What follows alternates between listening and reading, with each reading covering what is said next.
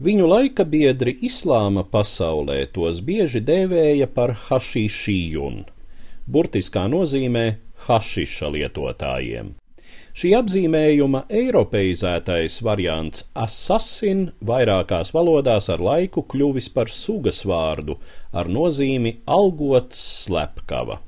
Patiesībā ļaudis, kuri dažādu laiku tekstos dēvēti par hašišīniem jeb asasiniem, bija islama novirziena nizarītisma sekotāji, kuri 11. gadsimta beigās atšķēlās no Fatimīdu kalifātā valdošajiem šītiem ismailītiem.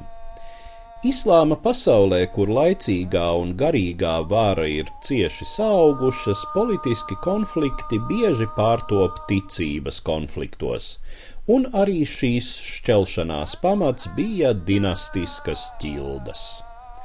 Nizarīti sava vadoņa Hasana ibn Sabaha vadīti nostiprinājās Persijas ziemeļu kalnos, bet vēlāk ieguva arī vairākus atbalsta punktus Sīrijā un Libānā. Viņu varas sfēra sastāvēja no grūti ieņemamu augstkalnu cietokšņu tīkla, kuru tomēr diezin vai izdotos noturēt pret skaitā pārākajām kaimiņu zemju armijām, ja ne vēl viens Hasana ibn Sabaha izgudrojums lieliski sagatavoti un fanātiski kaujinieki, kuri veica atentātus pret kaimiņu valdniekiem. Viduslaikos, kad valsts vāra ļoti cieši saistījās ar konkrēta valdnieka personu, politiskas slepkavības bija ierasta lieta, taču izarītu kaujinieki tās veica ar īpašu pārdrošību un izdomu, tā ka tās ieguva terora aktu raksturu. Ar viņu uzbrukumu draudiem nācās rēķināties gan Palestīnas krustnešu valstiņu karaļiem, hercogiem un grāfiem, gan musulmaņu kalifiem un vezīriem.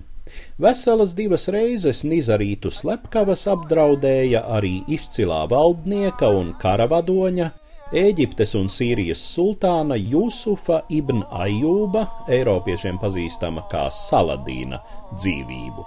Kā sevišķi spilgts tā laika atstāstos saglabājies notikums 1176. gada 22. maijā. Gluži kā mūsdienās, arī tolaik Sīrijā krustojās daudzas varas sfēras.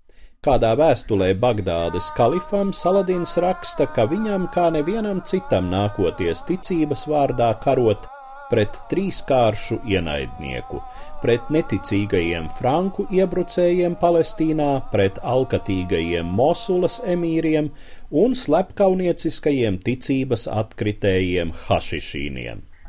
Nizarītu cietokšņi Sīrijas kalnos bija nepatīkami tuvu gan vidusjūras ostām, gan daudzu tirdzniecības ceļu krustpunktam Damaskā. 1176.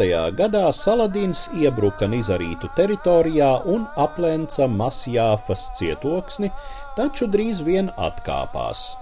Kā vēsta Nizarītu hronists, tas noticis pēc tam, kad kādā naktī sultāns pamodies un pamanījis, ka no viņa telts izslīd kāds stāvs, bet līdzās guļvietai atradis sūtījumu, vairākus vēl siltus plāceņus, un vēstuli, to visu caurdurtu ar saindētu dunci. Vēstulē, protams, bijis brīdinājums, ja sultānam dzīvība dārga, viņš vedīs savu armiju prom no Nizarītu zemes. Daži avoti min, ka Saladīns pēc šī notikuma kādu laiku cietis no paranojas, tomēr tiek arī norādīts, ka viņa atkāpšanās un miera līgums ar nizarītiem izrietējis no vispārējās militāri politiskās situācijas tuvajos austrumos. Tomēr nevar noliegt, ka Hasana ibn Sabaha sekotājiem tolaik izdevās sev izveidot biedējošu reputāciju, kura ilgi pārdzīvoja viņu politisko un militāro varu. Patiesi fakti baiso asasinu tēlā savijušies ar viņu pašu un viņu pretinieku radītiem mītiem. Viens no tādiem ir arī priekšstats par hašiša pīpēšanu. Patiesībā Nizarītu uzskati prasīja askētisku dzīvesveidu, kas pilnīgi nesaderēja ar apreibināšanos. Apzīmējums hašīšijun jādomā tapis kā palama, kropļojot skaniski līdzīgo asāsījun, kas nozīmē ticības pamatiem uzticīgais. Stāstīja Eduards Liniņš.